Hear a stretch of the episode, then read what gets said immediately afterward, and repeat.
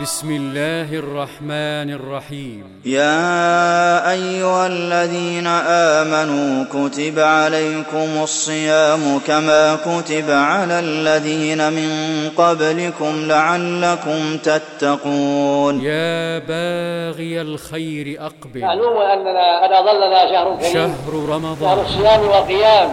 شهر العتق من النار. شهر تفتح فيه أبواب الجنات. وتغلق فيه أبواب جهنم.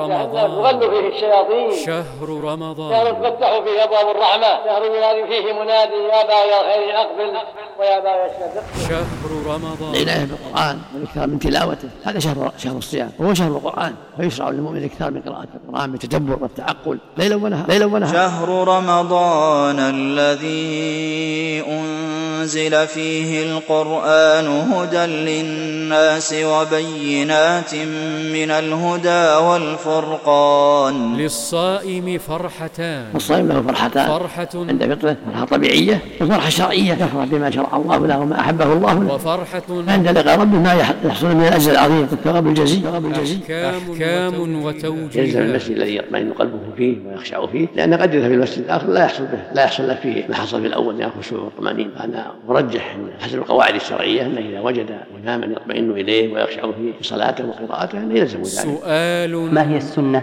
وهل الأفضل؟ وما رأيكم أحسن الله إليكم؟ وإجابة أما بعد فقد ثبت عن النبي عن النبي عليه الصلاة والسلام ما يدل على التوسعة ومن ذلك ما ثبت في الصحيحين. إجابة ظن بعض الناس أن هذه الأربع تؤدى بسلام واحد وليس الأمر كذلك وإنما مرادها أنه يسلم كل اثنتين كما في روايتها السابقة. ولقوله صلى الله عليه وسلم صلاة الليل مثنى مثنى. توجيهات تربوية. المؤمن يحاسب نفسه ويجاهدها لله ويتقرب بالأعمال الصالحات مع إمساكه من الطعام والشراب. فيصوم عن الطعام والشراب ويصوم عما حرم الله عليه ويحذر. ولهذا يفرح بلقاء ربه. بسم الله الرحمن الرحيم. الحمد لله وحده والصلاة والسلام على من لا نبي بعده وعلى آله وصحبه أجمعين. وبعد فيطيب لمؤسسة الشيخ عبد العزيز بن باز الخيرية أن تضع بين يدي المستمعين الأكارم هذا الإصدار ضمن سلسلة نشر تراث سماحة الشيخ عبد العزيز بن عبد الله بن باز رحمه الله. الإصدار الرابع. عنوان هذه المادة الجواب الصريح عن أسئلة التراويح. نسأل الله تعالى أن ينفع به من يسمعه وأن يجعله صدقة جارية لسماحة شيخنا رحمه الله. والآن نترككم مع هذه المادة. السؤال الأول هو ما هي السنة في عدد ركعات التراويح؟ وهل الأفضل أن يصلي المسلم إحدى عشرة ركعة أم ثلاثة عشرة ركعة؟ وهل من الأفضل التنويع في أيام وليالي شهر رمضان المبارك أم الاكتفاء بصورة واحدة؟ وما رأيكم أحسن الله إليكم في من يزيد على ذلك بحيث يصلي 23 أو أكثر أو أقل؟ بسم الله الرحمن الرحيم. الحمد لله وصلى الله وسلم على رسول الله وعلى آله وأصحابه من اهتدى بهداه. أما بعد فقد ثبت عن النبي عن النبي عليه الصلاة والسلام ما يدل على التوسعة في صلاة الليل. وعدم التحديد بركعات معينة. وأن السنة يصلي المؤمن وهكذا المؤمنة مثنى مثنى. يسلم من كل اثنتين. ومن ذلك ما ثبت في الصحيحين من حديث ابن عمر رضي الله تعالى عنهما عن النبي صلى الله عليه وسلم قال صلاة الليل مثنى مثنى. فإذا خشي أحدهم الصبح صلى ركعة واحدة توتر له ما قد صلى.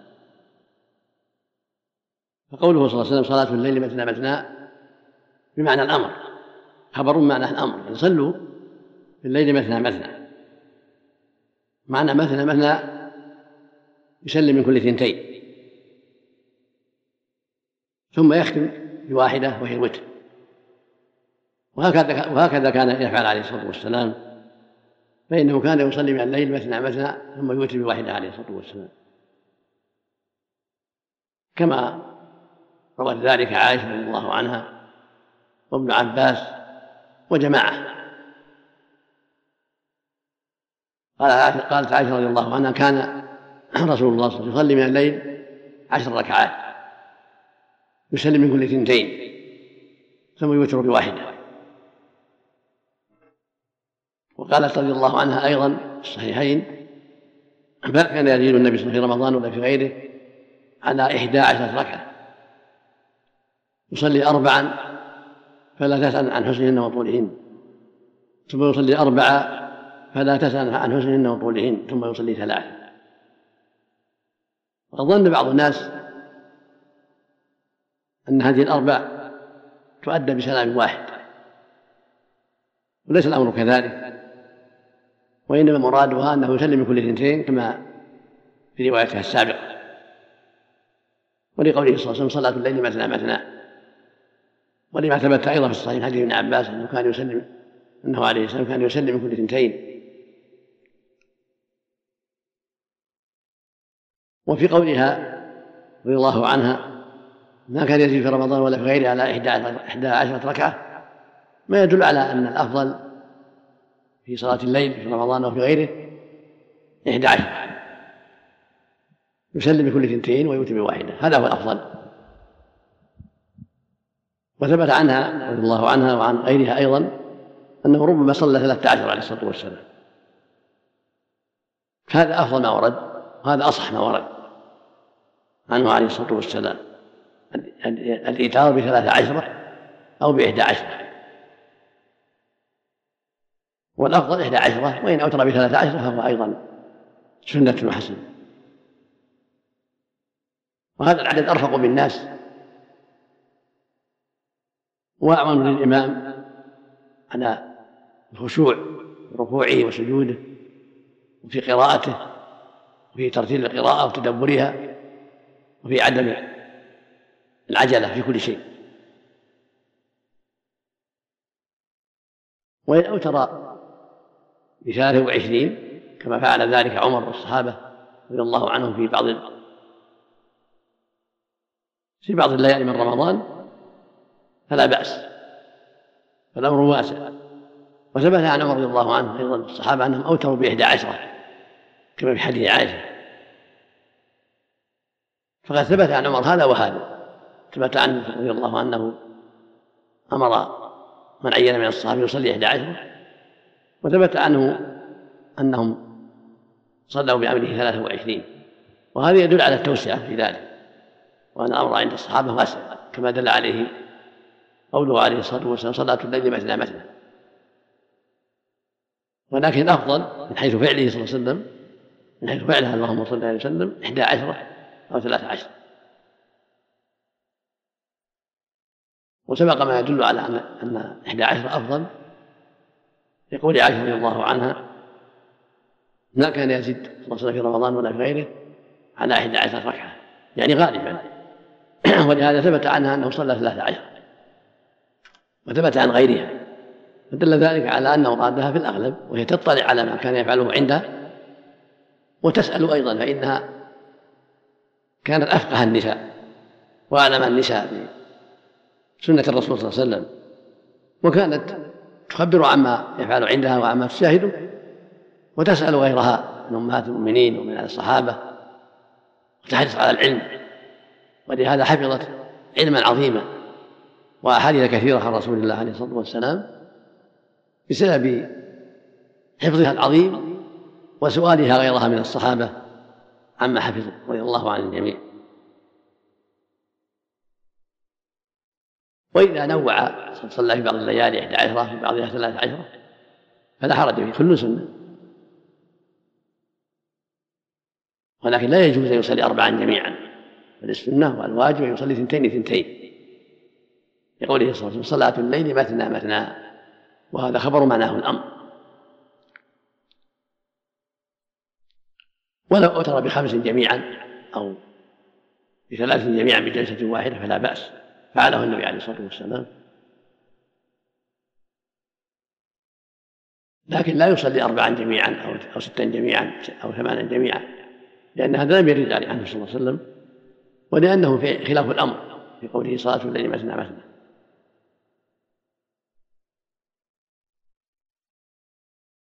ولو صلى سبعا أو تسعا فلا بأس. ولكن الأفضل أن يجلس في السادسة التشهد الأول وفي الثامنة التشهد الأول ثم يقوم يكمل. كل هذا ورد عنه عليه الصلاة والسلام. قبل أن يسلم قبل أن يسلم يقوم من الثامن يجلس الثامن الثامنة ثم يقوم قبل أن يسلم ثم يأتي بالتاسعة. وهكذا في السابع السادسة من السبع إذا سردها. وجاء عنه صلى الله عليه وسلم أنه سرد سبعا ولم يجلس عليه الصلاة والسلام. ورود العشر ركعات الأمر واسع في هذا نعم. إذا كانت إحدى عشر, إحدى عشرة ركعة إذا جلس في العاشرة مثلا. ما, أعلم أنه ورد في هذا الشيء. نعم. سردها كان يسلم من كل اثنتين ولم يسردها الذي بلغني وعلمت الآن أنه سرد سبعا وسرد تسعا. وجلس في بعض المرات في السادسة. ثم قام ولم يسلم ثم أتى في السابعة. أما التسع فجلس في الثامنة ولم يسلم ثم قام إلى التاسعة. نعم. أما إحدى عشرة فلا أذكر أنه سردها في أي شيء من الأحاديث عليه الصلاة والسلام. أحسن الله إليك. لكن بالنسبة للأئمة. والحجة في هذا رواية. نعم. إذا ثبت في شيء من الطرق أنه سردها جاز ذلك. إنما بالنسبة للأئمة قد يشق الآن على المصلين أن يتابعوا لأن هنالك من يريد أن يذهب لا يكمل لا الأفضل مثل ما تقدم. الأفضل يسلم بكل اثنتين. هذا هو الأفضل هذا هو السبب. يسلم بكل اثنتين ويوتر بواحدة. كما تقدم في حديث ابن عمر. صلاة الليل مثنى مثنى. فإذا خشي أحد الصبح صلى ركعتين ركعتين وتر له أصل. هذا هو الأفضل. وهو الأرفق بالناس أيضا. لأن يعني بعضنا قد يكون له حاجات يحب أن يذهب بعد ركعتين أو بعد صلاة التسليمتين أو بعد صلاة ثلاث تسليمات فالأفضل والأولى بالإمام أن يصلي اثنتين اثنتين ولا يترك خمسا أو سبعا.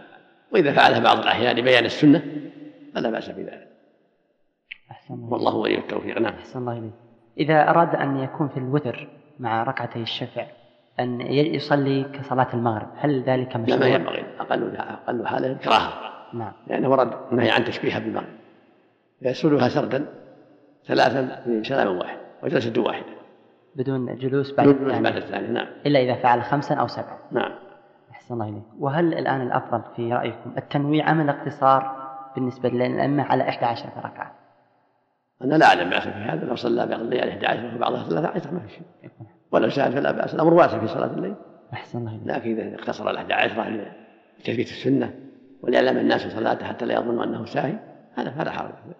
أحسن الله ثم بعض المصلين يرون أن هذه هي السنة وعندما يأتون إلى مساجد تصلي آه، ما يزيد على 23 أو 23 ركعة آه، يصلون 11 ركعة أو 10 ركعات ولا يتمون مع الإمام. لا السنة الإتمام مع الإمام ولو صلى 23 الأولى. الرسول صلى الله عليه وسلم قال من قام مع الإمام حتى ينصرف كتب الله له قيام ليلة. بقية ليلته. الأفضل للمأموم أن يقوم مع الإمام حتى ينصرف. سواء صلى 11 أو 13 أو 23 أو غير ذلك. هذا هو الأفضل. يتابع الإمام ويكون مع الإمام حتى ينصرف.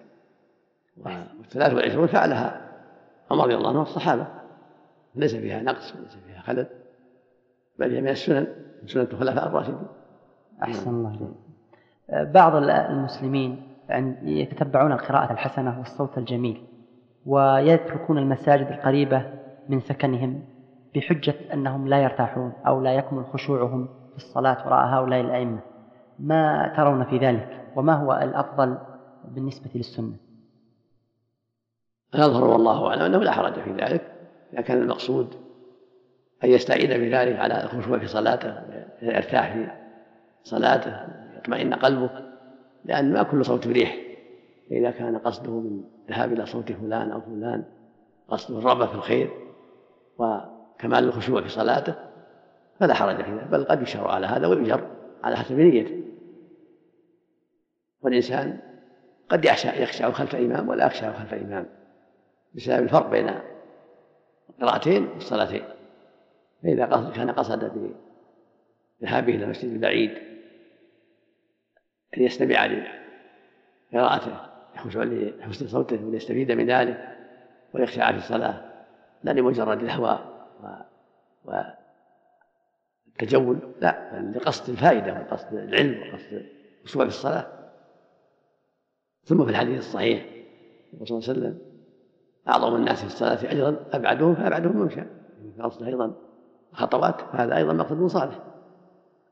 نعم. أحسن الله إليك. بعض أيضا الشباب جزاهم الله خيرا لا يستقرون آه، في مسجد واحد فكل يوم يذهب إلى مسجد لأنه يرى أن هذا الإمام صوته جيد وقراءته مؤثرة ففي كل ليلة أو في كل يوم وراء آخر يصلي في مسجد جديد. هل هذا أيضا مناسب؟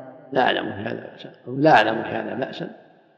وإن كنت يعني أميل إلى أنه يلزم المسجد الذي يطمئن قلبه فيه ويخشع فيه لأن قد يذهب إلى المسجد الآخر لا يحصل به لا يحصل له فيه ما حصل في الأول من الخشوع والطمأنينة فأنا أرجح أن حسب القواعد الشرعية أنه إذا وجد إماما يطمئن إليه ويخشع فيه بصلاته وقراءته أنه يلزم ذلك أو يكثر من ذلك معه.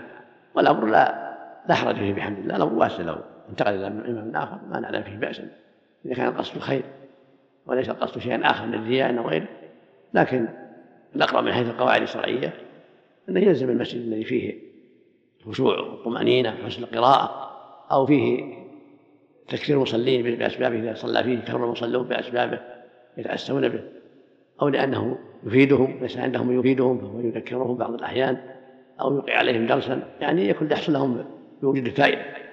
إذا كان هكذا فكونه في هذا المسجد الذي فيه فائدة منه أو من غيره أو كونه أقرب إلى خشوع قلبه وطمأنينته وتلذذه بالصلاة؟ كل هذا مطلوب أحسن الله إليكم آه، ما رأيكم أحسن الله إليكم في مسألة ختم جميع القرآن في صلاة التراويح؟ وما الدليل على ذلك؟ وهل يمكن الاقتصار على بعضه؟ أو الأفضل قراءته كاملا؟ الأمر في هذا واسع ما أعلم دليل يدل على أن الأفضل أن يكمل القراءة. إلا أن بعض أهل العلم قال ينبغي يستحب يسمعهم جميع القرآن. يعني حتى يحصل للجماعة سماع القرآن كله. ولكن هذا ليس يعني بدليل. واضح. فالمهم أن يخشع في قراءته ويطمئن ويرتب يفيد الناس ولو ما ختم. ولو ما قرأ إلا نصف القرآن أو ثلثي القرآن. ليس المهم أن يختم المهم أن ينفع الناس في صلاته وخشوعه وقراءته حتى يستفيدوا ويطمئنوا. فإن تيسر له أن يكمل القراءة الحمد لله. وإن لم يتيسر كفاه ما فعل وإن بقي عليه بعض الشيء. لأن عنايته بالناس وحرصه على خشوعهم وعلى إفادتهم. أهم من كونه يختم. فإذا ختم بهم من دون مشقة وأسمعهم القرآن كله هذا حسن. أحسن الله إليك. نعم. مسألة مدارسة جبريل عليه السلام للمصطفى صلى الله عليه وسلم في رمضان هل يمكن أن يستشف منها دليل لمسألة إكمال القرآن في الصلاة؟ يستفاد منها المدارسة يستحب للمؤمن أن يدارس القرآن من هو يفيده وينفعه. لأن الرسول صلى الله عليه وسلم دارس جبرائيل للاستفادة. لأن جبرائيل هو الذي يأتي من عند الله جل وعلا هو استفيد بين الله وبين الرسل. فجبرائيل لا بد يفيد النبي صلى الله عليه وسلم أشياء من جهة الله عز وجل من جهة إقامة حروف القرآن من جهة معانيه التي أرادها الله. فإذا درس الإنسان من يعينه على فهم القرآن ومن يعينه على إقامة ألفاظه هذا مطلوب. كما درس النبي صلى الله عليه وسلم جبرائيل. وليس المقصود أن جبرائيل أفضل من النبي صلى الله عليه وسلم لا. لكن جبرائيل هو الرسول الذي يأتي من عند الله فيبلغ الرسول صلى الله عليه وسلم ما أمره الله به من جهة القرآن من جهة ألفاظه من جهة معانيه. والرسول صلى الله عليه وسلم يستفيد من جبرائيل من هذه الحيثية. لا لأن جبرائيل أفضل منه عليه الصلاة والسلام بل هو أفضل البشر عليه الصلاة والسلام وأفضل وأفضل من الملائكة عليه الصلاة والسلام. لكن هذه المدارسة فيها خير عظيم للنبي صلى الله عليه وسلم وللأمة. لأنها مدارسة لمن يأتي به من عند الله يستفيد يأتي به من عند الله عز وجل. أحسن الله. وفيه فائدة أخرى وهي أن المدارسة في الليل أفضل من النهار لأن هذه المدارسة كانت في الليل. ومعلوم أن الليل أقرب إلى اجتماع القلب وحضور القلب والاستفادة أكثر من المدارسة. وفيه أيضا من الفوائد شرعية المدارسة أنها عمل صالح حتى ولو في غير رمضان. عمل صالح. يعني فيه فائدة لكل منهما. فلو كانوا أكثر كذلك يستفيد من أخيه يشجعه على القراءة ينشطه. وقد يكون لا لا ينشط إذا جلس وحده. لكن إذا كان معه زميل له يدارسه أو زملاء كان ذلك أشجع له وأنشط له مع عظم الفائدة في ما يحصل بينهما من المذاكرة. والمطالعة فيما يشكل عليهما. كل ذلك فيه خير كثير أحسن الله. يعني يمكن أن نقول أن أيضا قراءة الإمام القرآن كاملا في رمضان على جماعته هو نوع من هذه المدارسة؟ لأن فيه فائدة إفادة لهم. لأن في هذا إفادة لهم عن جميع القرآن. ولهذا كان أحمد رحمه الله يحب من يؤمهم يقول له أنه يختم بهم القرآن يحب. وهذا من جنس عمل السلف محبة سماع القرآن كله. لكن ليس هذا يعني موجبا لأن يعتل ولا يتأنى في قراءته ولا يتحرى خشوع وطمأنينة فهذا أولى من مراعاة الختمة. أحسن الله إليك. ثم أيضا تحديد قدر معين من القرآن لقراءة كل ليلة أو كل ركعة أو كل جزء في كل ليلة. هل يعني هنالك رأي لكم في هذا؟ ما أعلم في شيء إلا أن الأمر يرجع إلى اجتهاد الإمام. تقدير المصلحة أيوة. فإذا رأى أن المصلحة يزيد بعض الليالي أو بعض الركعات لأنه أنشط ورأى من نفسه قوة في ذلك رأى من نفسه يعني تلذذا بالقراءة وزاد آيات ينتفع وينتفع من خلفه فإنه إذا حسن صوته وطابت نفسه بالقراءة وخشع بها ينتفع من القراءة أيضا نعم. فإذا زاد بعض الآيات في بعض الركعات أو في بعض الليالي ما في ما لا نوم في الأمر واسع الحمد لله مسألة يعني مراعاة حال الضعفاء من كبار السن والنساء في صلاة التراويح. هذا أمر مطلوب في جميع الصلوات التراويح وفي الفرائض. في الفرائض يعني جميع الأوقات. يقول النبي صلى الله عليه وسلم أي أيكم أمن الناس أيكم أمن الناس فليخفف. فإن فيهم الضعيف الصغير الكبير الحاجة. فالإمام يراعي المؤمنين ويرفق بهم في قيام رمضان في العشر الأخيرة. ليس الناس سواء. الناس يختلفون. فينبغي له يراعي أحوالهم ويشجعهم على المجيء وعلى الحضور فإن متى أطال عليهم شق عليهم ونفرهم من الحضور. فينبغي أن يراعي ويشجعهم على الحضور ويرغبهم في الصلاة ولو بالإختصار وعدم التطويل. فصلاة يخشع فيها الناس ويطمئنون فيها ولو قليلة خير من صلاة يحصل فيها عدم الخشوع يحصل فيها الملل والكسل. نعم. يلاحظ أيضا أن بعض المصلين يشتكي من أقل لو قرأ الإمام وجه وزيادة قالوا إنك تطول علينا يعني حد أو ضابط العبرة بالأكثرية العبرة بالأكثرية والضعفاء إذا كان الأكثرية يرغبون في إطالة بعض الشيء وليس فيهم من يراعى من ضعفهم مرضه أو كبر سنه فإنها أحرج في ذلك. وإذا كان فيهم ضعيف من المرضى وكبار السن ينبغي له ما بين مصلحتين من هذا في حديث عثمان بن عاص بن العاص قال النبي صلى الله عليه وسلم اقتدي بأضعافهما. في الحديث الآخر بين ورائه الضعيف والكبير كما تقدم. نعم. المقصود انه يراعي يراعي الضعفاء في من جهة تخفيف تخفيف القراءة ورفوع السجود. وإذا كانوا متقاربين يراعي الأكثرية. أحسن الله يعني النافلة والفريضة سيان. نعم نعم. لكن الفريضة أهم. الفريضة أهم لأن فيها النص. نعم. أحسن الله إليكم ولأنها واجبة على الناس بخلاف النافلة لو تركوها ما ضرهم. أحسن الله إليكم مسألة الفرق بين صلاة التراويح وصلاة القيام. هل هنالك آه، دليل على تخصيص القيام بالعشر الأواخر وتطويل القراءة فيها وتطويل الركوع والسجود؟ كلها تسمى قيام رمضان صلاة رمضان كلها تسمى قيام. كما قال صلى الله عليه وسلم من قام رمضان إيمانا واحتسابا. غفر له ما تقدم من ذنبه إذا قام ما تيسر منه مع الإمام سمي قياما. ولكن في العشر الأخيرة يستحب الإطالة لأنها تحيا. الرسول كان يحيي الليل كله في العشر الأخيرة. ولهذا شرعت الإطالة كما أطال النبي صلى الله عليه وسلم فإن قرأ في بعض الليالي بالبقرة والنساء وآل عمران في ركعة واحدة. المقصود أنه صلى الله عليه وسلم كان يطيل في العشر الأخيرة ويحييها. فلهذا شرع للناس إحياؤها والإطالة فيها حتى يأخذ من الليل ما تيسر. بخلاف العشرين الأول فإنه ما كان صلى الله عليه وسلم يحييها. كان ينام ويصلي يقوم وينام عليه الصلاة والسلام. كما جاء جاء ذلك في الأحاديث. أما في العشر الاخيره فكان صلى الله عليه وسلم يحيي الليل كله ويوقظ أهله ويشد المئزر عليه الصلاة والسلام. نعم. يعني فتخصص العشر الأواخر بمزيد من نعم القراءة ومزيد من نعم ولان فيها الليلة المباركة في القدر. نعم. أحسن الله إليك. ومساله تسمية التراويح آه، هل نقل عن النبي عليه الصلاة والسلام تسمية لها؟ هذا مشهور عند السلف. نعم. التراويح كانوا يتروحون قال قالوا عنهم إنهم يتروحون بعد كل أربع ركعات. يعني بعد كل تسليمتين. يستريحون وقتا فسمي التراويح من أجل استراحتها. نعم. أحسن الله إليك.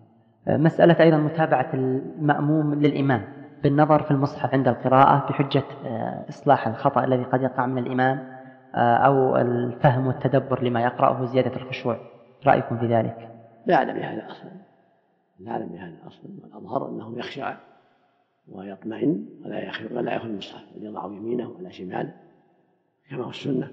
يضع يده اليمنى على كفه اليسرى والرسل والساعد يضعهما على صدره على الأرجح والأفضل ويخشع وأخذه المصحف يشغله عن هذه السنن ثم قد يشغل قلبه وبصره في مراجعة الصفحات والآيات ومع سماع الإمام الذي أرى أن أن ترك ذلك من السنة وأن يستمع وينصت ولا يستعمل المصحف فإن كان عنده علم رد على فتح على الإمام وإلا فتح غيره من الناس.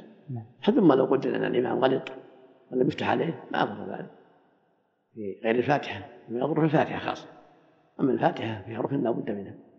ولكن لو ترك بعض الآيات في غير الفاتحة ما ضره ذلك. إذا لم يكن وراه من ينبهه نعم. أحسن الله إليك. لكن إذا لم يكن هنالك من المأمومين حافظ واختار الإمام رجلا يفتح المصحف هذا أسهل لو كان واحد سهل أسهل. نعم. إذا كان واحد يفتح على إمام فلعل هذا لا بأس به. أما كل واحد يأخذ المصحف فخلاف السنة. أحسن الله إليك. آه، مسألة أيضا القراءة من المصحف للإمام الذي لا يحفظ. لا بأس به على الراجح في خلاف من أهل العلم لكن الصحيح أنه لا حرج أن يقرأ من المصحف إذا كان لا يحفظ أو كان يحفظه ضعيفا وقراءة المصحف من المصحف أنفع للناس وأنفع له. فلا بأس بذلك. قد ذكر البخاري رحمه الله تعليقا في صحيح عن عائشة رضي الله عنها أن كان أنه كان أولاها الأكوان يصلي بها في الليل من المصحف. والأصل جواز هذا لكن أثر عائشة يؤيد ذلك. نعم. أحسن الله إليك. إنما الأولى القراءة من الحافظ. ما إذا تيسر فهو أولى لأن فيه أجمع لأنه أجمع للقلب وأقل للعبث المصحف يحتاج إلى ضبط ورفع تفتيش الصفحات عند الحاجة فإذا استغنى عنه فهو أحسن الله إليك. مسألة آه، تجويد صلاة التراويح والعناية بإخراج الحروف من مخارجها. بعض الأئمة أيضا آه، تكثر أخطاءهم في القراءة ويلحنون أو لا يقيمون التجويد على الوجه المشروع بسبب آه، استعجالهم في إنهاء الصلاة. توجيهكم أحسن الله التجويد سنة لأن من باب العناية بالقرآن وأدائه على الوجه الأكمل في التلاوة والتجويد نقل عن النبي صلى الله عليه وسلم نقله القراء. كونه يقرأ كما قرأ النبي صلى الله عليه وسلم ويجود في إخراج الحروف على وجهها تفخيم المفخم وترقيق المرقق مد الممدود عدم مد غير الممدود والإدغام فيما يدغم والإخفاء فيما يخفى كل هذا من باب تحسين القراءة. وهو مطلوب مستحب وليس بواجب. الواجب أن يقرأ كما يقرأ العرب. نعم. ليس فيه تكلف. لكن إذا سار على الطريقة المعروفة التجويد من دون تكلف ولا تلحين فإنه لا حرج في ذلك بل هو مستحب بما فيه من إحسان التلاوة وإجادة أداء الألفاظ ونفع المستمعين والحث على والترغيب في خشوعهم واستفادتهم. فينبغي في هذا عدم التكلف لكن يتحرى. القواعد المعروفة من تلاوته ولا يعجل ولا يطول تطويلا يعتبر تلحينا وتبغيض لا حاجة إليه بل يتحرى القواعد من دون زيادة سواء قرأ بالحجر أو بالترتيب لكن لا يعجل لا يعجل لكن أحسن الله إليك مسألة التجويد أليست هي قراءة القرآن كما بلغة العرب؟ ويعني قول الشاطبي والأخذ بالتجويد حتم لازم ومن لم يجود القرآن آثم؟ هذا كلام الجزري كلام الجزري نعم ما ليس به ما أعلم عليه دليل لكن يقال هذا أن من من إحسان التلاوة. من إحسان التلاوة ومن كمال التلاوة. أما أن يلزمه أن يدغم ويظهر ويخفي ويرقق ويفخم أما يظهر أنه لا يلزم. إنما هو أفضل وأحسن وأكمل. لكن كونه محرم أن يقرأ المرقق فخما ومفخم مرققا هذا محل نظر. ولا أعلم عليه دليلا. نعم. أحسن الله إليك. يعني ينبغي للإمام أن يخرج الحروف من مخارجها. يعتني بها ومن مخارجها ويعتني بها على ما قال أهل التجويد. نعم. من دون تكلف نعم. مسألة العناية بالوقف والابتداء. كل هذا مطلوب حسن لأن الوقف والابتداء يعين على فهم المعاني. نعم. أحسن الله إليك. أحسن الله إليك. هنالك ظاهرة وهي ظاهرة انتشار البكاء في صلاة التراويح. وحيث تجد أن هنالك ارتفاع للبكاء في بعض الأحيان إلى حد مزعج. وما هو يعني في رأيكم ال- الذي ترونه؟ والله أنا نصحت كثيرا من اتصل بي أنصحهم بالحذر من هذا الشيء وأن لا ينبغي لأن هذا يؤذي الناس ويشق عليهم ويشوش على الناس على المصلين على القارئ فالذي ينبغي المؤمن أن يحرص على الا يسمع صوته. يبكي بين خشية الله. يحرص على لا يسمع صوته وليحذر من الرياء. قد يجره الشيطان إلى الرياء. ينبغي له في مثل هذا أن يحرص على أن لا يؤذي أحدا بصوته ولا يشوش عليهم ومعلوم أن بعض الناس ليس باختياره بل يحصل له الأمر من غير اختيار هذا معفو عنه. كان بغير اختيار وقد ثبت عنه صلى الله عليه وسلم أنه كان إذا قرأ يكون لصدره اسيس كاسيس المسجد من البكاء وجاء عن عمر رضي الله كان يسمع نهيه وراء الصفوف. جاء في حديث قصة أبي بكر أنه كان إذا قرأ لا يسمع الناس من البكاء لكن ليس هذا معناه أنه يرفع صوته بالبكاء ويشوش على الناس بل يغلبه البكاء من غير قصد. إذا غلبه البكاء من غير قصد فليحرص على أن يشوش على الناس وأن يكون بكاؤه خفيفا قليلا حتى لا يحصل به التشويش لا على الإمام ولا على غير الإمام مهما مهما استطاع. وليحذر من الرياء في ذلك. نعم. أحسن الله إليك. لكن ال- الواقع أن بعض المصلين عندما لا يملك نفسه بالبكاء يؤثر على الآخرين فيتأثر المسجد كليا. إذا كان بغير اختيار معلش نعم. ما- معفو عنه الحمد لله. يعني يضطر إذا ازعجه شيء من خشية الله معلش أمر يعني محمود. أمر محمود وليس باختياره يعني بحيث أنه يكون معتدل متوسط. بس يحرص ألا ألا يرفع صوته مهما أمكن. وإذا غلب فهو معفو عنه لكن لو زال الأمر وصار هنالك نوع من الإزعاج عند بعض الناس قد لا يملك نفسه. فتسمع له شهيق ما ما, ما في شيء إذا كان هو باختياره ما أعلم في شيء. إنما عليه الجهاد لنفسه والحرص على أن لا يزعج- أحدا وأن لا يكون قصد الرياء أو السمعة ونحو ذلك. فإذا غلب من غير قصد سيء والأمر قهره فالظاهر لا حرج عنه والغالب أنه لا يقهر على هذا. الغالب أنه يستطيع أن يجاهد يجاهد الناس ويتحكم أحسن الله إليك.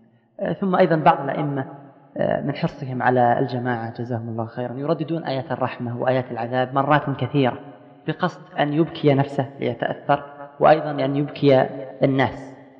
آه، ما رأيكم في الترداد الكثير للآيات أربع مرات بعضهم ثلاث مرات أقل أو أكثر؟ لا أعلم بهذا.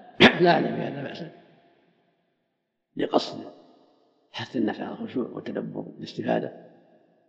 قد روي عنه صلى الله عليه وسلم أنه ردد قوله تعالى إن تعذبهم فإنهم عباد وإن تغفر لهم فإنك أنت العليم. رددها كثيرا عليه الصلاة والسلام. فالحاصل إذا كان لقصد صالح لا لقصد الرياء بل لقصد صالح وقصد خشوع قلبه خشوع من وراءه فلا فلا مانع من ذلك. لكن إذا كان يرى أن ترداده لذلك قد يزعجهم ويحصل به الأصوات يعني مزعجة فترك ذلك أولى حتى لا يحصل تشويش. أما إذا كان ترداد ذلك لا يترتب عليه إلا خشوع وتدبر وإقبال على الصلاة هذا كله خير. أما إذا كان يترتب عليه مثل ما أشرت إليه إزعاج وأن الناس لا ينضبطون فلعل ترك ذلك أولى أحسن الله إليك. أيضا يجرنا هذا إلى مسألة أنهم أن بعض الأئمة يبكون في الدعاء ولا يبكون في الصلاة في آية الرحمة وآية العذاب وغيرها. هذا ليس باختياره قد الناس تتحرك الدعاء ولا تتحرك في بعض الآيات لكن ينبغي له يعالج ويحرص على أن يخشع في قراءته. أعظم ما يخشع في قراءة في دعائه في الخشوع في القراءة أهم. وإذا خشع في القراءة في الدعاء كان كله طيب لأن الخشوع في الدعاء أيضا من أسباب الإجابة. لكن ينبغي له أن تكون عنايته بالقراءة أكثر لأنه كلام الله فيه الهدى والنور. كان النبي صلى الله عليه وسلم يتدبر ويتعقد وهكذا الصحابة رضي الله عنهم وأرضاهم ويكون عند تلاوته. ولهذا لما قال النبي صلى الله عليه وسلم لعبد الله بن مسعود اقرأ علي القرآن. قال عبد الله كيف أقرأ عليكم؟ عليك أنزل قال إنه أحب أن أسمعه من غيري فقرأ عليه السلام أول سورة النساء. حتى بلغ قوله تعالى. فكيف إذا جئنا من كل أمة بشهيد؟ وجئنا بك على هؤلاء شهيدا. قال حسبك. قال ابن مسعود رضي الله عنه فالتفت إليه وقال فرفعت رأسي إليه فإذا عيناه تذرفان يعني يبكي. وظاهره أنه البكاء ليس فيه صوت. فإنما عرف ذلك بوجود الدمع. فدل على أنه صلى الله عليه وسلم يبكي لكن من دون صوت مزعج. كذلك حديث عبد الله بن الشخير. من سمع لصوته عزيزا كازم يريد من البكاء يعني النبي صلى الله عليه وسلم هذا يدل على أنه قد يحصل يحصل له, يحصل له صوت لكن ليس بمزعج. نعم. أحسن الله إليكم. يعني في هذا مسألة ال- البكاء بالنسبة للإمام أن يكون في القراءة في قراءة القرآن أولى من الدعاء؟ لا شك إن كلام الله أولى وإن كان في الدعاء من أسباب الإجابة أيضا لكن الأمور ما هي على يد الإنسان. نعم. الأمور ليست بيده بيد, بيد الله. قد يخشع عند هذا ولا يخشع عند هذا. القلوب بيد الله هو الذي جل وعلا يجعل فيها ما يجعل من الخشوع عند سمع عند وجود الأسباب. لكن المؤمن يتحرى الأسباب يجاهد نفسه. لعله يخشع لعله يبكي. عند قراءته كلام الله سبحانه وتعالى. من أحسن الله مسألة التكلف بالبكاء بالنسبة للإمام وما ورد في السنة من الأمر بالتباكي ثبوت ذلك حفظ الله ورد في بعض الأحاديث لم تكن فتباكوا لكن لا أعرف صحته رواه أحمد. جماعة لكن لا أذكر الآن صحة الزيادة فإن لم تكن فتباكوا لأنه مشهور عند على لسان السنة العلماء ولكن يحتاج إلى مزيد عناية. يعني لا أذكر الآن حال سنده. أحسن الله إليكم فالتكلف إذا بالنسبة للبكاء للإمام لا ينبغي أن يتكلف البكاء مثلا. لا الاظهر عدم التكلف. الأظهر لا يتكلف بل متى حصل البكاء فليجاهد نفسه الا يزعج الناس. ويكون بكاء خفيف ليس فيه ازعاج لاحد حسب الطاقة وحسب الامكان نعم. أحسن الله إليك. ربما يكون هنالك بعض الناس آه، يتأثر أو قد يصطنع التأثر. يكون هنالك خشوع غير صادق. مثل ما تقدم. هذا ينبني على ثبوت وتباكل إن ثبتت فلا بأس. وأنا ما يظهر الآن ما أذكر عن ثبوتها. ويغلب على ظني إن في السند شيء من الكلام. ولعلنا نراجعه إن شاء الله. نعم. أحسن الله إليكم. هنالك أيضا ما يتعلق بالآيات الأخرى مثل الآيات التي تتحدث عن صفات الله عز وجل. آه، هل ينبغي تردادها وهل يكون عندها البكاء أم أنه لم ينقل عن النبي صلى الله عليه وسلم إلا فيما يتعلق بآيات الجنة والنار والوعد والوعيد؟ ما أعلم في هذا شيء مفصلا. الذي نقل عن النبي صلى الله عليه وسلم ما في تفصيل فيما نعلم. قد يكون بكاؤه عند هذا وعند هذا. وآيات الصفات لا شك أنها مما يؤثر البكاء. يعني يتذكر عظمة الله وعظيم إحسانه فيبكي. مثل قوله جل وعلا إن ربكم الله الذي خلق السماوات والأرض في ست- أيام مستوى الأرض وفي الليل والنهار طول حديثا الآية فإن إذا تدبرها هذا مما يسبب البكاء من خشية الله جل وعلا.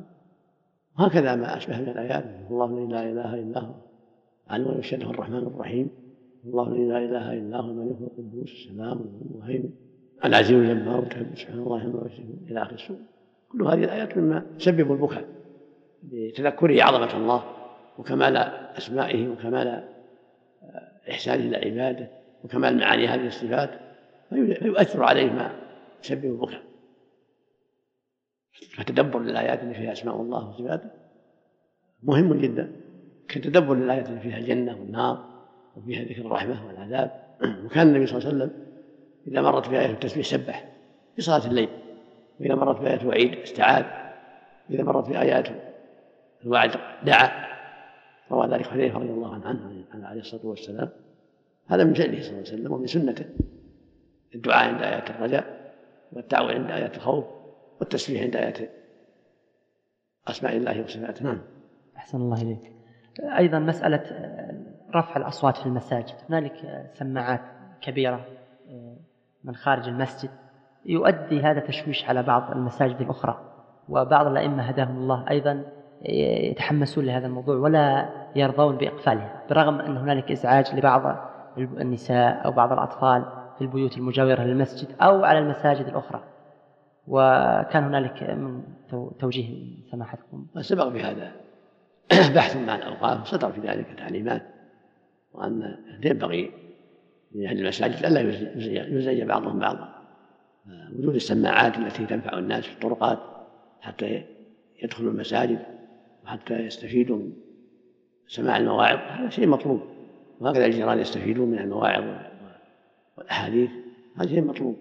لكن إذا كانت المساجد متقاربة فيزعج بعضهم بعضا فالأولى قفلها عند الصلاة حتى لا يزعج بعضهم بعضا في الصلاة لأنه يسمع من الداخل أما عند سماع المواعظ الدروس ينبغي فتحها حتى يستفيد الناس. لكن إذا تقاربت تقفل وقت يعني المكبرات الخارجية تقفل نعم. حتى يكون السماع لمن في الداخل من جهة التكبيرات التسميع لأنه قد يشوش على المسجد الآخر الذي حوله إذا كان قريب. وهذا صدر في تعميم الأوقاف وعمم على مسائل الأئمة. نعم. أحسن عليك. لكن إذا اشتكى بعض الجيران من أن الصوت مزعج هل ينبغي إقفال مثل هذه المكبرات وأن المسألة مثلا تكون تقدر في كل موقع بحسبه. هذا يحتاج إلى نظر لأنه تراعى فيه مصالح كان المصلحة أكبر في قفلها قفلت إذا كانت المصلحة في بقائها أعظم تتركها. فقد يكون قفلها يضر المارة ويضر الناس الذين يريدون الفائدة تخفى عليهم المساجد يخفى عليهم وقت الصلاة. ففي فتح المكبرات مصالح للمارين بالطرقات ولمن حولهم من البيوت حتى يستفيدوا. ومن بعض البيوت قد يتضرر أو يستيقظ صبيته هذا أمر سهل. قاعدة من المضار الجزئية تغتفر في جنب المصالح العامة. إذا كانت المصلحة الكبرى في فتحها فتحت. وإذا كانت المصلحة في قفلها قفلت. ينبغي يراعي الإمام. الإمام يراعي مسجده ومحل مسجده وحاجة الناس إلى قفلها أو فتحها. هذا يختلف بحسب حال المساجد وما حولها. نعم. أحسن الله إليكم. آه، سؤال حول مسألة التغني بالقرآن وهل آه، ما هو التحبير في القراءة؟ هذا جاءت في السنة. الحث على التغني بالقرآن تحسين الصوت به مو معناه يأتي كالغناء لا معناه تحسين الصوت. يتغنى يحسن صوته. من الحديث الصحيح ما أذن الله لنبي كأذنه ما أذن الله في شيء كأذنه كأذنه لنبي حسن الصوت بالقرآن يجهر به. أو كما قال عليه الصلاة والسلام حديث ليس منا من يتغنى بالقرآن يجهر به؟ معناه تحسين تحسين الصوت بذلك أو معنى ما أذن الله لما استمع الله كأذنه كاستماعه وهذا شيء يليق بالله استماع يليق بالله. لا يشابه خلقه سبحانه. وتعالى مثل سائر الصفات يقال في استماعه سبحانه وآذانه مثل ما يقال في بقية الصفات على الوجه لا يقبل الله سبحانه وتعالى. لا شبيه هذا شيء سبحانه وتعالى. ليس كمثله شيء وهو السميع والتغني جهر الصوت الجهر به مع تحسين الصوت والخشوع فيه حتى يحرك القلوب. يعني المقصود تحريك القلوب بهذا القرآن. حتى تخشع حتى تطمئن حتى تستفيد. من هذا قصة أبي موسى الأشعري لما مر عليه النبي صلى الله عليه وسلم وهو يقرأ فجعل يستمع له عليه الصلاة والسلام. فقال لقد أوتي هذا مزمارا من مزامر من مزامر آل داوود فلما جاء موسى أخبره النبي صلى الله عليه وسلم. فقال لو علمت. قال موسى لو علمت أنك تستمع لي لحبرته لك تحبيرا ولم ينكر عليه النبي صلى الله عليه وسلم ذلك. دل على تحبير الصوت وتحسين الصوت. والعناية في القراءة أمر مطلوب ليخشع القارئ ويخشع المستمع ويستفيد هذا وهذا. نعم. أحسن عليك. هنالك بعض الآثار آه، في أنه يأتي في آخر الزمان من يتغنى بالقرآن كتغني الفساق. أدري رأيكم في صحة. ما أعرفكم شيء فيها لا أعرفكم شيء فيها لكن في قصة الخوارج المعروف. يأتي في آخر الزمان أقوام حثاء الأسنان. سفهاء الأحلام يقولون من قول خير البرية يحقر أحدهم صلاته مع صلاتهم قراءته مع قراءتهم يفرقون من الإسلام ثم لا يعودون إليه. هذا من عمل الخوارج. فهم يجيدون القراءة ويحسنونها ويحسنون الصلاة والصيام حتى يحقر المؤمن صلاته مع صلاته وقراءته مع قراءته لكن أهل بدع قد يصنعونه رياء قد يصنعونه تكلفا منه وإدعاء منه يزعمون أنهم بهذا فاقوا من قبلهم وأنهم أحسن من قبلهم. فلهذا حذر منه النبي صلى الله عليه وسلم قال أينما لقيتم فاقتلوه فإن في قتل أجر لمن قتلهم. المقصود أن الخوارج عندهم تكلف وعندهم زيادة تنطع وابتداع فلهذا حذرهم النبي صلى الله عليه وسلم. نعم. أحسن الله إليك. شهر القرآن وهو شهر رمضان. هنالك من الناس من يقرأ القرآن عدة مرات. ما هو السنة التي ينبغي للمسلم أن يقرأ فيها القرآن؟ الحد الأدنى ما في حد محدود إلا أن الأفضل أن يقرأ أن يقرأه في أقل من ثلاث كما في حديث عبد الله بن عمرو. لا يفقه من قرأ في أقل من ثلاث الأفضل أنه يتحرى في قراءته الخشوع الترتيل والتدبر ليس المقصود العجلة المقصود أن يستفيد. فينبغي يكثر من القراءة في رمضان كما فعل السلف رضي الله عنهم. ولكن مع التدبر والتعقل إذا ختم في كل ثلاث فحسن. بعض السلف قال إنه يستثنى من ذلك أوقات الفضائل لا بأس يختم في كل ليلة أو في كل يوم كما ذكروا هذا عن الشافعي وعن غيره. ولكن ظاهر السنة أنه لا فرق بين رمضان وغيره وأنه ينبغي له أن لا يعجل وأن يطمئن في قراءته وأن يرتب كما أمر النبي صلى الله عليه وسلم الله بن عمرو وقال اقرأه في سبع. هذا آخر ما أمره به. ولا يفقه من قرأ في أقل من ثلاث ولم يقل إلا في رمضان. حمل بعض السلف هذا على غير رمضان محل نظر والأقرب والله أعلم أنه يعتني بالقراءة ويجتهد في إحسان قراءته وتدبر القرآن والعناية بالمعاني وألا يعجز والأفضل أن لا يختم في أقل من ثلاث. هذا هو الذي ينبغي حسب ما جاءت به السنة ولو في رمضان. أحسن هنالك أيضا آه، أصحاب التسجيلات جزاهم الله خيرا يقومون بتسجيل القرآن الكريم آه، من صلاة التراويح مع الأئمة. وتحدث بعض الأخطاء مثل الإمام يخطئ في بعض الآيات آه، بعض الأش... توجد في الأشرطة تكبيرات وأصوات وأشياء. هل من نصيحة لمثل هؤلاء؟ نعم إذا كان في تسجيلات غلط ينبغي أن لا يشيعوها بل ينبغي أن يمسحوها.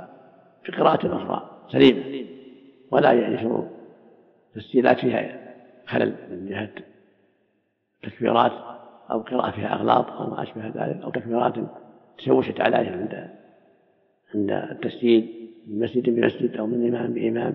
المقصود ينبغي له في مثل هذا أن ينشر بين الناس إذا ما كان سليما. إذا وجد في تسجيل خلط ينبغي أن يمحوه ويسجل من نفس الإمام أو غيره ما هو سليم. يعني أهمية ترون أهمية العناية في مسألة هذه الأشرطة لا شك أن هذا لا شك أن هذا شيء لازم واجب. ولا سيما إذا كان في قراءة غلط أما في إسقاط آيات أو أو تحريف لا يجوز لهم نشرها بل ينبغي لهم أن يعيدوا الكرة مع الإمام إذا تيسر أو مع غيره من من هو يريد القراءة من حسن صوت القرآن سجلوا قراءة سليمة. أحسن الله إليك. آه، هنالك سؤال أيضا يتعلق بمسألة آه، تحديد الكسب على من يصلي بالناس. إذا حدد مبلغ معين خاصة أنه يذهب إلى مكان بعيد يصلي بهم فيطالب مساعدة معينة. التحديد ما ينبغي. كرهه كرهه جمع من السلف. ينبغي لا يحدد. إذا ساعدوه شيء غير محدد يكون أولى. وإلا الصلاة صحيحة لا بأس إن شاء الله لو حددوا. لكن ينبغي أن لا يفعل ذلك. ينبغي أن تكون المساعدة ما فيها مشارطة هذا هو الأفضل والأحوط كما قاله جمع من السلف رحمة الله عليهم. وقد يستأنس لذلك بحديث واتخذ مؤذنا لا يأخذ على بني أيضا إذا كان في مؤذن كيف بالإمام المقصود أن المشارطة غير لائقة لكن إذا ساعدوه ساعده الجماعة المعينة على أجرة السيارة التكاسي هذا حسن من دون مشارطة. نعم. أحسن الله إليكم. آه، في مسألة دعاء آه، في صلاة الوتر. هل آه، ينبغي الالتزام بقراءة سبح اسم ربك الأعلى وسورة قل يا أيها الكافرون والإخلاص. هذا هو الأفضل هذا هو الأفضل. لكن إذا ترك بعض الأحيان ليعلم الناس أنه ليس بواجب حسن. ولا في الأوطان التأسي بالنبي صلى الله عليه وسلم. يعني يقرأ بسبح والكافرون وقل الله في الثلاثة لكن إذا تركها الإنسان بعض الأحيان ليعلم الناس أنه ليس بلازم مثل ما قال بعض السلف في ترك سورة التنزيل تنزيل السيدة فلا الإنسان في بعض الأحيان في صلاة الفجر يوم الجمعة من باب إشعار الناس أنها ليس بلازم وإلا في السنة قراءتهما في كل جمعة. لكن إذا تركها الإمام بعض الأحيان في الشهرين مرة في الشهرين مرة ليعلم الناس أنها ليس بواجب هذا لا بأس.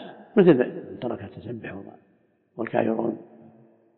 والله في الثلاث في الوتر ليعلم الناس أنها ليس بواجب هذا لا بأس به إن شاء الله. لكن الأفضل أن يكثر من ذلك ويكون الغالب عليه ذلك. أحسن الله إليكم ما ورد من قراءة آه، السور الأخيرة من القرآن الثلاث الركعات الأخيرة ضعيف محفوظ الله أحد فقط نعم. بعض الأئمة يقرأ قل هو الله أحد وقل وقل أعوذ برب الفلق ثم لا. يأتي في ركعة الوتر يقول أعوذ برب الناس. حديث ضعيف. عائشة في ضعيف المحفوظ قل الله أحد نعم. أحسن حديث عائشة هذا وجه الضعف فيه. ما أذكر الآن لكن سنده ضعيف. لكن ما أذكر أسباب الضعف نعم. أحسن الله إليك. آه، أيضا سؤال يتعلق بمسألة الختمة ختم آه. القرآن الكريم. آه، لأن الناس يهتمون بموضوع الختمة ومدى مشروعيته. يتكرر السؤال في كل عام. لم يزل السلف يختمون القرآن ويقرأون دعاء الختم في صلاة رمضان ولا يعلم في هذا نزاعا بينهم. فالأولى في مثل هذا أنه يقرأ لكن لا يطول على الناس يتحرى. الدعوات المفيدة الجامعة مثل ما قالت عائشة رضي الله عنها. كان النبي صلى الله عليه وسلم يستحب جوامع الدعاء ويدع ما سوى ذلك. فالأفضل للإمام في ختم القرآن وفي القنوت تحرج الكلمات الجامعة وعدم التطويل على الناس. يقرأ اللهم اهدنا فيمن هديت ورد الحديث الحسن في القنوت ويزيد معه ما تيسر من الدعوات الطيبة كما زاد عمر ولا يتكلف ولا يطول على الناس ويشق عليهم. وهكذا في دعاء القرآن.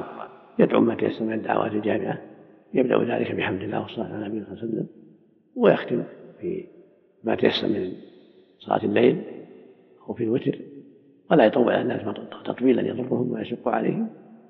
وهذا معروف عن السلف تلقاه خلف عن السلف. وهكذا كان مشايخنا مع تحريهم بالسنة وعنايتهم بالسنة يفعلون ذلك. تلقاه آخرهم عن أولهم وأئمة الدعوة ممن يتحرى السنة ويحرص عليها. فالحاصل أن هذا لا بأس به إن شاء الله ولا حرج فيه بل هو مستحب لما فيه من تحري إجابة الدعاء بعد تلاوة كتاب الله عز وجل. وكان أنس رضي الله عنه إذا أكمل القرآن جمع أهله ودعا رضي الله عنه في خارج الصلاة. أما في الصلاة فلا أحفظ عنه شيء في ذلك رضي الله عنه ولا عن غيره من الصحابة. لكن ما دام يفعله في خارج الصلاة فهكذا في الصلاة. الباب هو أن الدعاء مشروع في الصلاة ليس الدعاء مما يشرع في الصلاة ليس بمستنكر. نعم. أحسن الله إليك. مع يعني أهم عناية السلف رحمهم الله باتباع هدي المصطفى صلى الله عليه وسلم. لكن آه، هل نقل نصا يعني مثل قوله عند كل ختمة دعوة مستجابة؟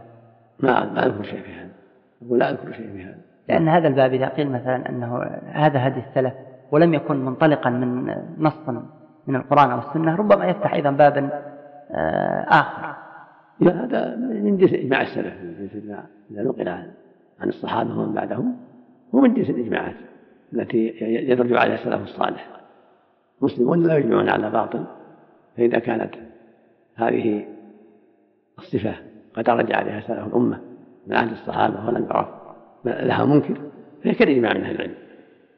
معلوم أن الدعاء في الصلاة مطلوب قراءة آية الدعاء من آية العذاب وآية الرجاء. يدعو الإنسان عندها كما فعل النبي صلى الله عليه وسلم في صلاة الليل. هذا من ذلك. مشروع عند الجميع الدعاء بعد ختم القرآن. إنما الكلام فيما إذا كان في خارج في داخل الصلاة. أما في خارج فلا أعلم نزاعا في ذلك أنه مستحب. الدعاء بعد ختم القرآن في خارج الصلاة. لكن في الصلاة هو الذي حصل فيه الإثارة الآن البحث. نعم. فلا أعلم عن السلف أن أحدا أنكر هذا في في داخل الصلاة كما أن لا أعلم من أنكره خارج الصلاة. هذا هو الذي يعتمد عليه أنه أمر معلوم عند السلف قد درج عليه أولهم وآخرهم. فمن قال إنه منكر فعليه الدليل. ليس على من فعل ما فعله السلف. دليل على من أنكره وقال إنه منكر. نم أو إنه بدعة. هذا ما درج عليه سلف الأمة وساروا عليه تلقاه خلفهم عن سلفهم وفيهم العلماء والأخيار والمحدثون. وجلس الدعاء في الصلاة معروف من النبي صلى الله عليه وسلم في صلاة الليل. فينبغي أن يكون هذا من جنس ذلك هل ينبغي أن يكون مثلا بعد الرفع من من ركعة الوتر بحيث يصاحب دعاء القنوت لأن بعض لا الأفضل بعد ما يقرأ المعوذتين إذا كمل القرآن يدعو سواء في الركعة الأولى أو في الثانية أو في الأخيرة. يعني بعدما يكمل قراءة القرآن يبدأ الدعاء يبدأ يدعو ما تيسر في أي وقت من الصلاة في الأولى منها أو في الوسط أو في الآخر أو إذا ختم بقراءة المعوذتين في آخر ركعة في آخر ركعة الوتر كل ذلك لا بأس به. لكن المهم أنه عند قراءة آخر القرآن. دعاء يعني ولو طال. لا السنة لا يطول السنة أن يقتصد وألا يطول على الناس. السنة أن تكون الدعوات محدودة ليس فيها إطالة السوق على الناس لا في الوتر لا في القنوت ولا في دعاء ختم القرآن السنة الإمام أن يتحرى الاقتصار والدعوات الجامعة وألا يشق على الناس. أحسن الله عليك. لكن هذا الدعاء يكون في الصلاة في قبل الركوع مثلا. قد لا يكون في محله من حيث أن أنه لم يشرع في الصلوات. من جنس هذا الدعاء؟ لا قد ثبت الإنسان أنه قد دعا قبل الركوع قالت بعد الركوع. وإن كان الأكثر قالت بعد الركوع. لكن ثبت عنه أنه قالت قبل الركوع. في حديث أنس. قنوت في الوتر أحسن الله إيه. هذا من جنس دعاء ختم القرآن لأن أسباب قراءة القرآن. أسباب قراءة القرآن الانتهاء من ختم من ختم القرآن والشيء نعم. عنده سبب يشرع وجود سبب. كما أن الوتر يشرع فيه القنوت عند وجود سببه هو الركعة الأخيرة بعد ما يركع بعد ما يرفع من الركوع. بفعل النبي عليه الصلاة والسلام. وأسباب الدعاء في ختم القرآن هو نهاية القرآن. لأنها نعمة عظيمة أنعم الله بها العبد عنها كتاب الله وكمله. فمن هذه النعمة يدعو الله ينفعه بهذا الكتاب وأن يجعله من أهله وأن يعينه على ذكره وشكره وأن يصلح قلبه وعمله. لأنها في بعد عمل صالح.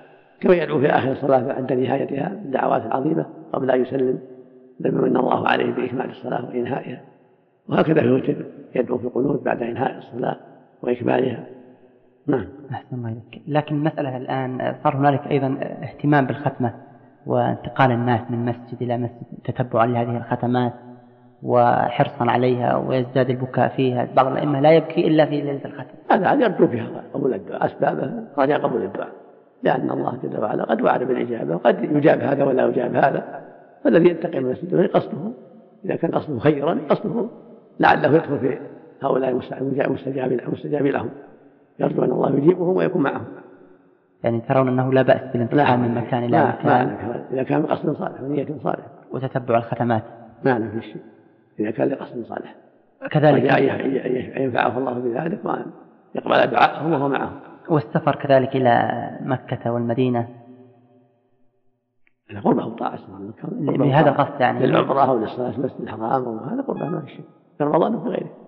ومكة عظيمة بإجماع المسلمين. لا لا حرج في هذا. قصد أحسن الله لك مسألة يعني الحرص على حضور الختمة في آه، أحد الحرمين. ولو ولو يعني حضور الخطبة ضمن صلاة في الحرم. نعم. ضمن الصلاة قد يكون معه عمرة. أيضا وخير يجر إلى خير. نعم أحسن الله إليك. آه، هنالك أيضا مسألة إقبال الناس. في مسألة سؤال يتعلق بمسألة الدعاء قبل الركوع في القنوت. هل يعني ينبغي للإمام أن يتخير مرة ومرة؟ لا أفضل الأفضل لا يتحرى على جهة المناسبة الجامعة. لكن ما, علمه النبي الحسن ويزيد عليه ما تيسر. اللهم اهدنا فيمن هديت إلى آخره يزيد ما تيسر من الدعوات الجامعة. كما زاد عمر اللهم إنا نستعينك ونستهديك إلى آخره. نعم. يعني لو أتى بأدعية لا بأس جو من جوامع الدعاء لا بأس بحيث أنه يكون معتد لا يطيل إطالة. طيب يكون ليس فيه إطالة؟ ولا مشقة على الناس؟ أحسن الله إليكم وبارك فيكم. الملاحظ عدم البدء بحمد الله والاستعانة به والثناء عليه. بل يبدأ بقول بالدعاء المأثور اللهم اهدنا فيمن هديت إلى آخره.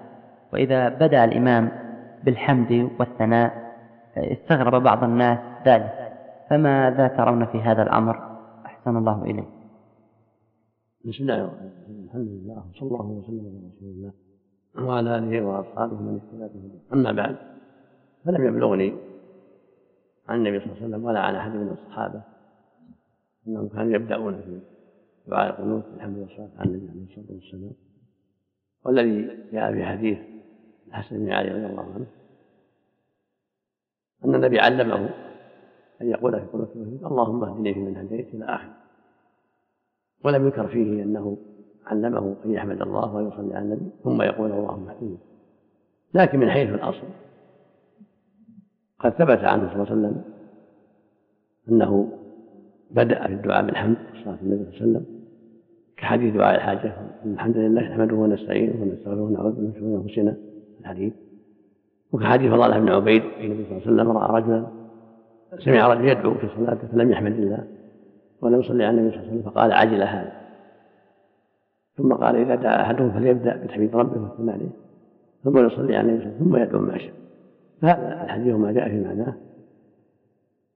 يدل على شرعية البدء بالحمد والثناء على الله والصلاة عليه وسلم أمام الدعاء. ولكن يرد على هذا أن العبادات توقيفية. وأنه لا يشرع فيها إلا ما شرعه الله.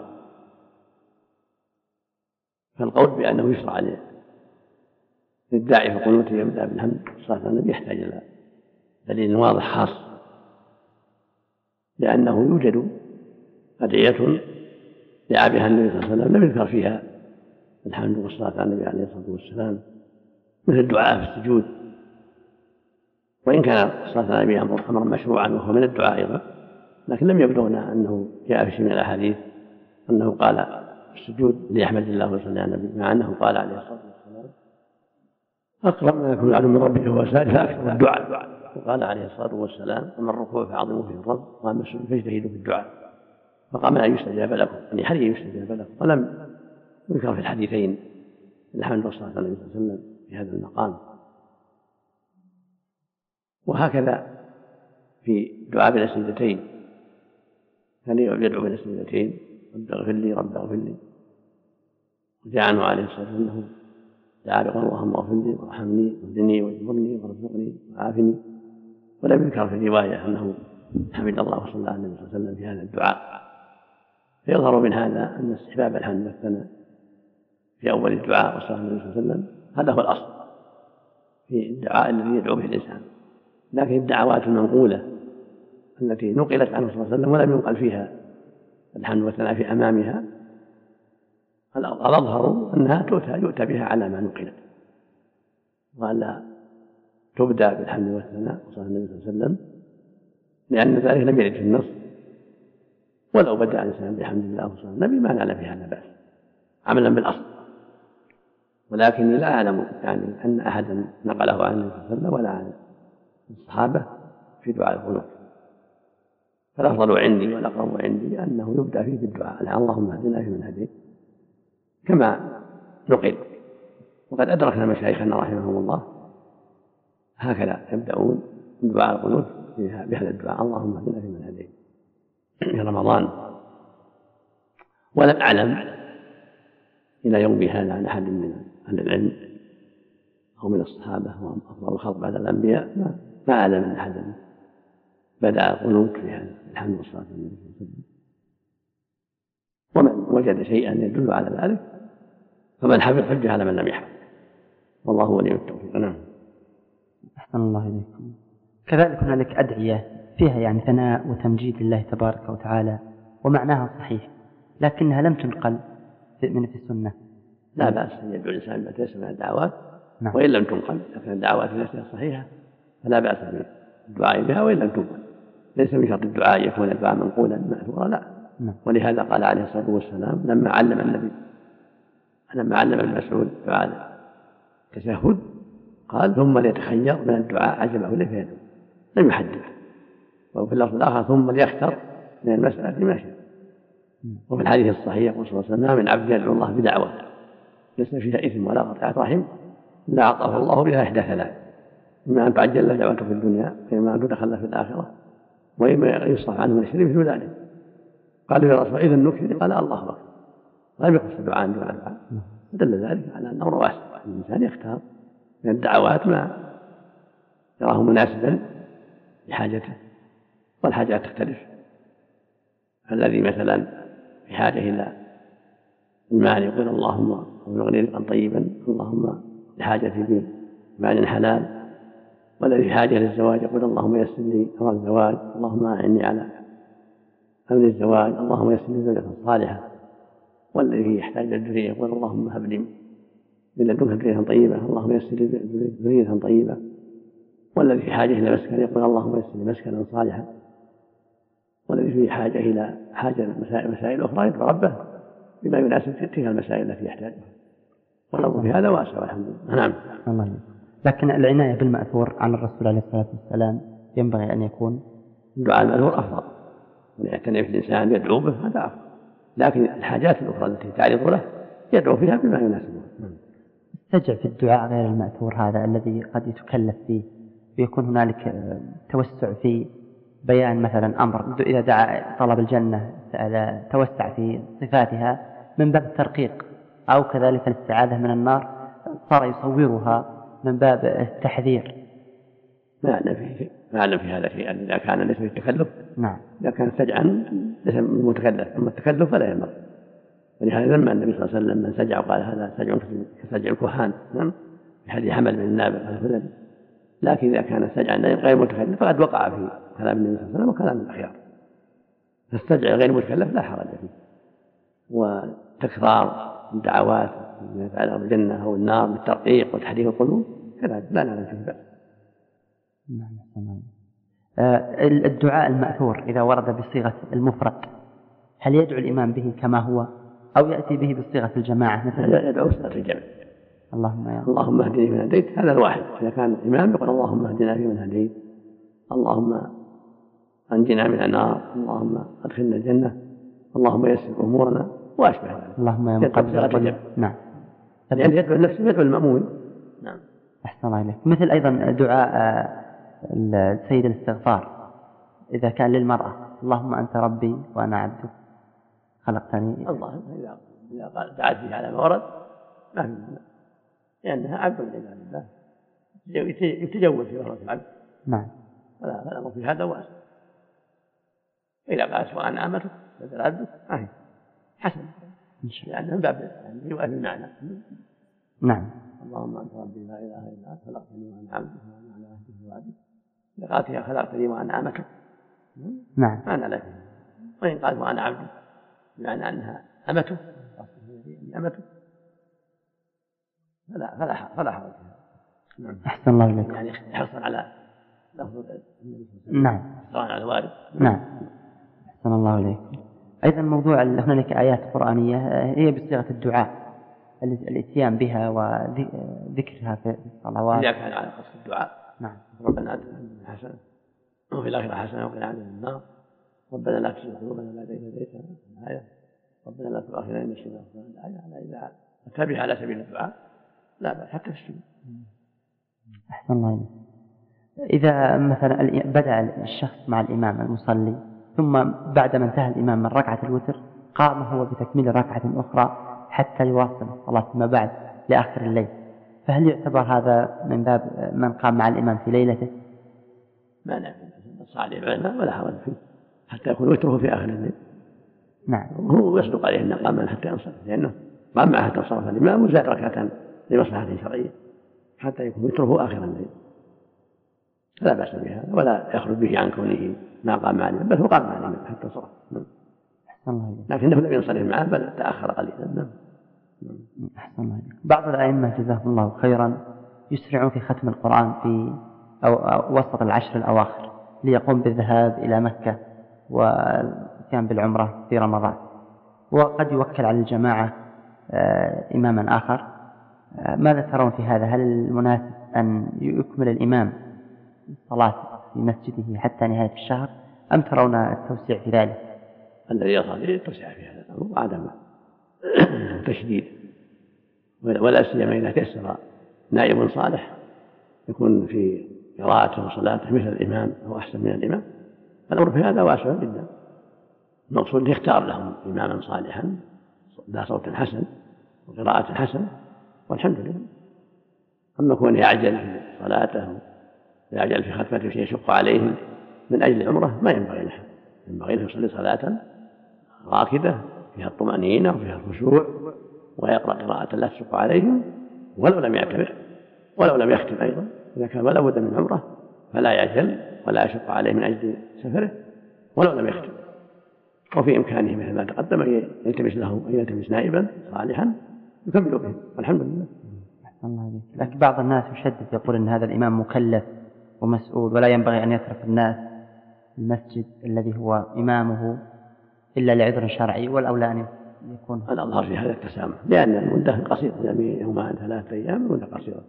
نعم. وقد جرت عادة المسلمين في الاستنابة ولا يمر ذلك. إذا كان النائب صالحا لهذه النيابة في عدالته في قراءته مثل الإمام الأول أو أحسن من الأول فلا نعلم في هذا شيئا من المحذور والاستنابة جائزة الحمد لله. نعم. أحسن الله إليكم. آه قد استناب النبي صلى الله عليه وسلم كما لا يخفى الصديق. أبا بكر الصديق يصلي بالناس. ولما تأخر في صلح بين ابن بن عوف أمر نعم. طلب بلال من أبي الصديق أن يؤم الناس في توافق الصديق ولما تأخر النبي صلى الله عليه وسلم في غزوة تبوك. ذات يوم عن صلاة الصبح وهو يقضي حاجته. طلب من الناس طلب الناس من عبد الرحمن العوف يتقدم فتقدم وصلى بهم صلاة الفجر. فجاء النبي صلى الله عليه وسلم وعبد الرحمن في الركعة الثانية فلم ينكر عليه الصلاة والسلام بل صوبهم وحسن فعله وصلى مع عبد الرحمن الركعة الثانية ثم لما سلم عبد الرحمن قام فقضى ما عليه وهو المغيرة بن شعبة رضي الله عنه. نعم. أحسن الله إليك.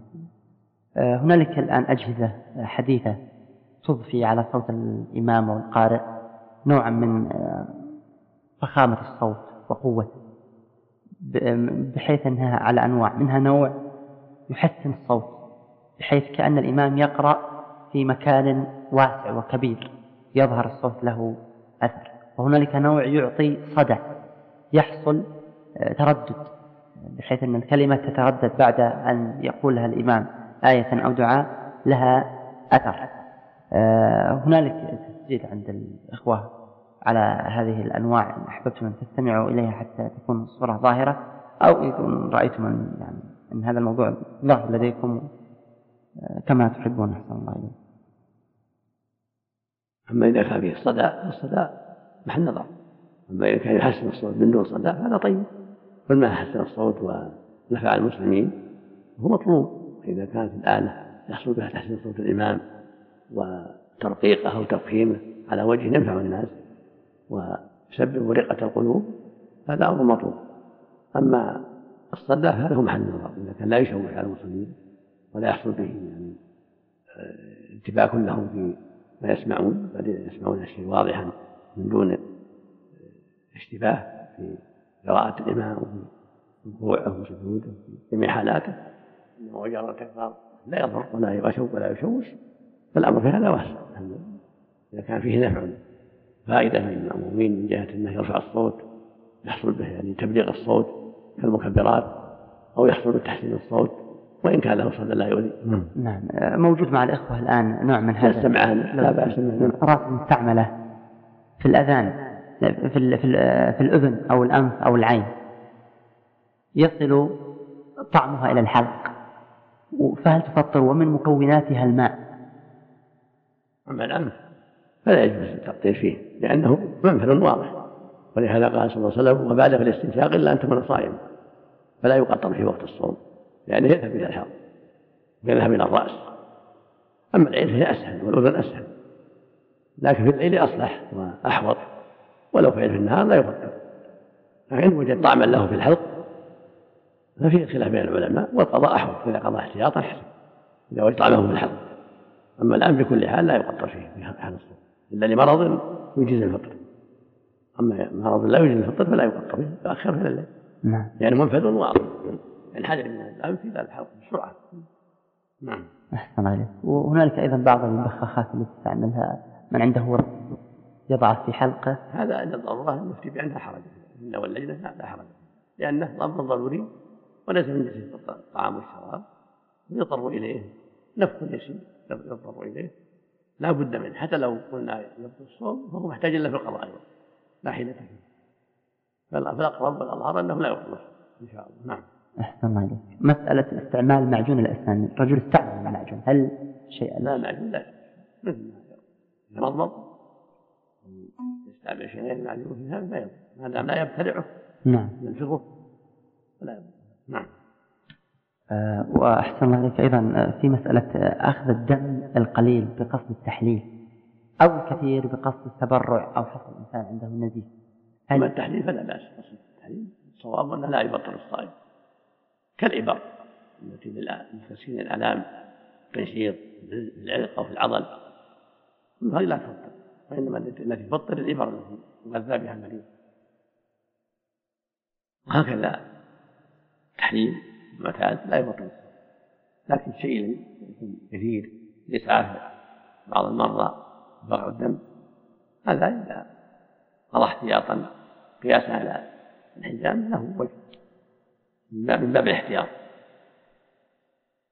وإلا فالأصل أن الإفطار بما دخل في المخرج نعم. هذا هو الأصل. إلا ما استثني كالحيض ونحو نعم المقصود أن أخذ الدم من الإنسان للتحليل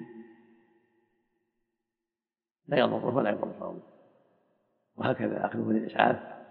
الأصل فيها أنه لا يضر لكن إذا قضاه المؤمن من باب الاحتياط وإلحاقا له بالحجامة وإن كان الأصل عدم القياس لكن من باب الحيطة إلا في الأصل عدم القياس على الحجامة.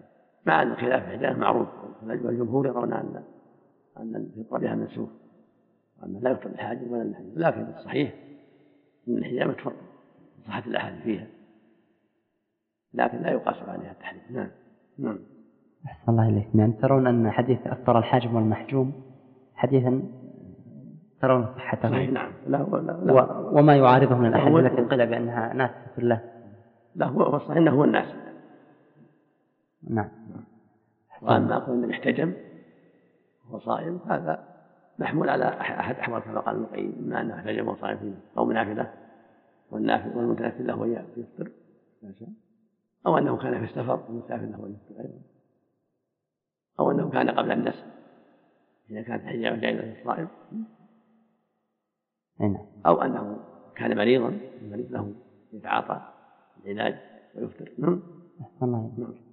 موضوع ال- الإبر لما تكون في في نفس المادة ماء مثل مكونة من هذه الإبرة وإن لم تكن مغذية لكنها نوع من تسكين الآلام أو العلاج. وفيها مياه نسبة معينة أليست في حكم ال- الشراب؟ الأظهر أنه لم يحكم الشرع لأنها غير مدخلة لا في العضل ولا في الأول وليس من جنس الأكل والشرب المعتاد ولا ينبغي التضييق في هذا. عن المسلمين الله يقول الله هو الرزق الأصل عدم الإفطار إلا بالشيء الواضح فلا يلحق به ما ليس بواضح والناس يحتاجون إلى هذا لتسكين الآلام تصيبهم في حال الصيام. فالأقرب فيها والله أعلم عدم الفطر أخذا بالأصل الأصل عدم الفطر. نعم. نعم. الله إليك. آه، هنالك ما يسمى بعشاء الوالدين. لكن لا شك أنه إذا يسر تاجيلها إلى الليل لا يستعمل هذه في الليل هذا أحوط. يقول الانسان صلى الله عليه وسلم لا يلزم هذا هو الأصل. الاشتباهات مهما أمكن تركها احوط من عملا بالحديث دع ما يليمه كل ما لا يليمه والحديث الآخر من اتقى الشبهات فقد استبرع لدينه الأرض نعم. أحسن الله هنالك ما يسمى بعشاء الوالدين عمل فطور أو سحور في رمضان للفقراء والأقارب بنية الصدقة للو- للوالدين أو لواحد منهما. آه، توجيهكم رأيكم في هذا؟ لا نعلم لا نعلم في هذا بأسا سواء صنع طعاما ودعا إليه الفقراء أو الجيران والأقارب.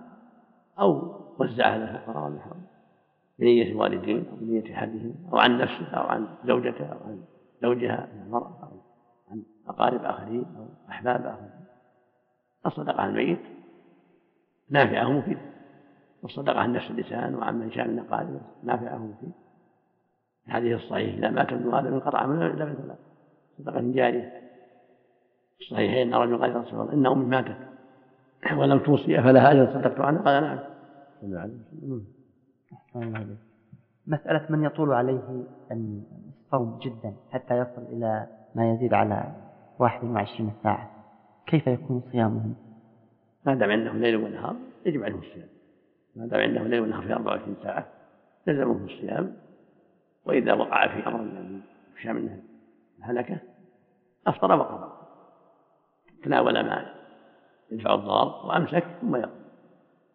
مثل الذي يصيبه عطش عارض شمس اصابته أو الاسباب الاخرى لإنقاذ غريق أو الاسباب الاخرى فيفطر ثم يقضي.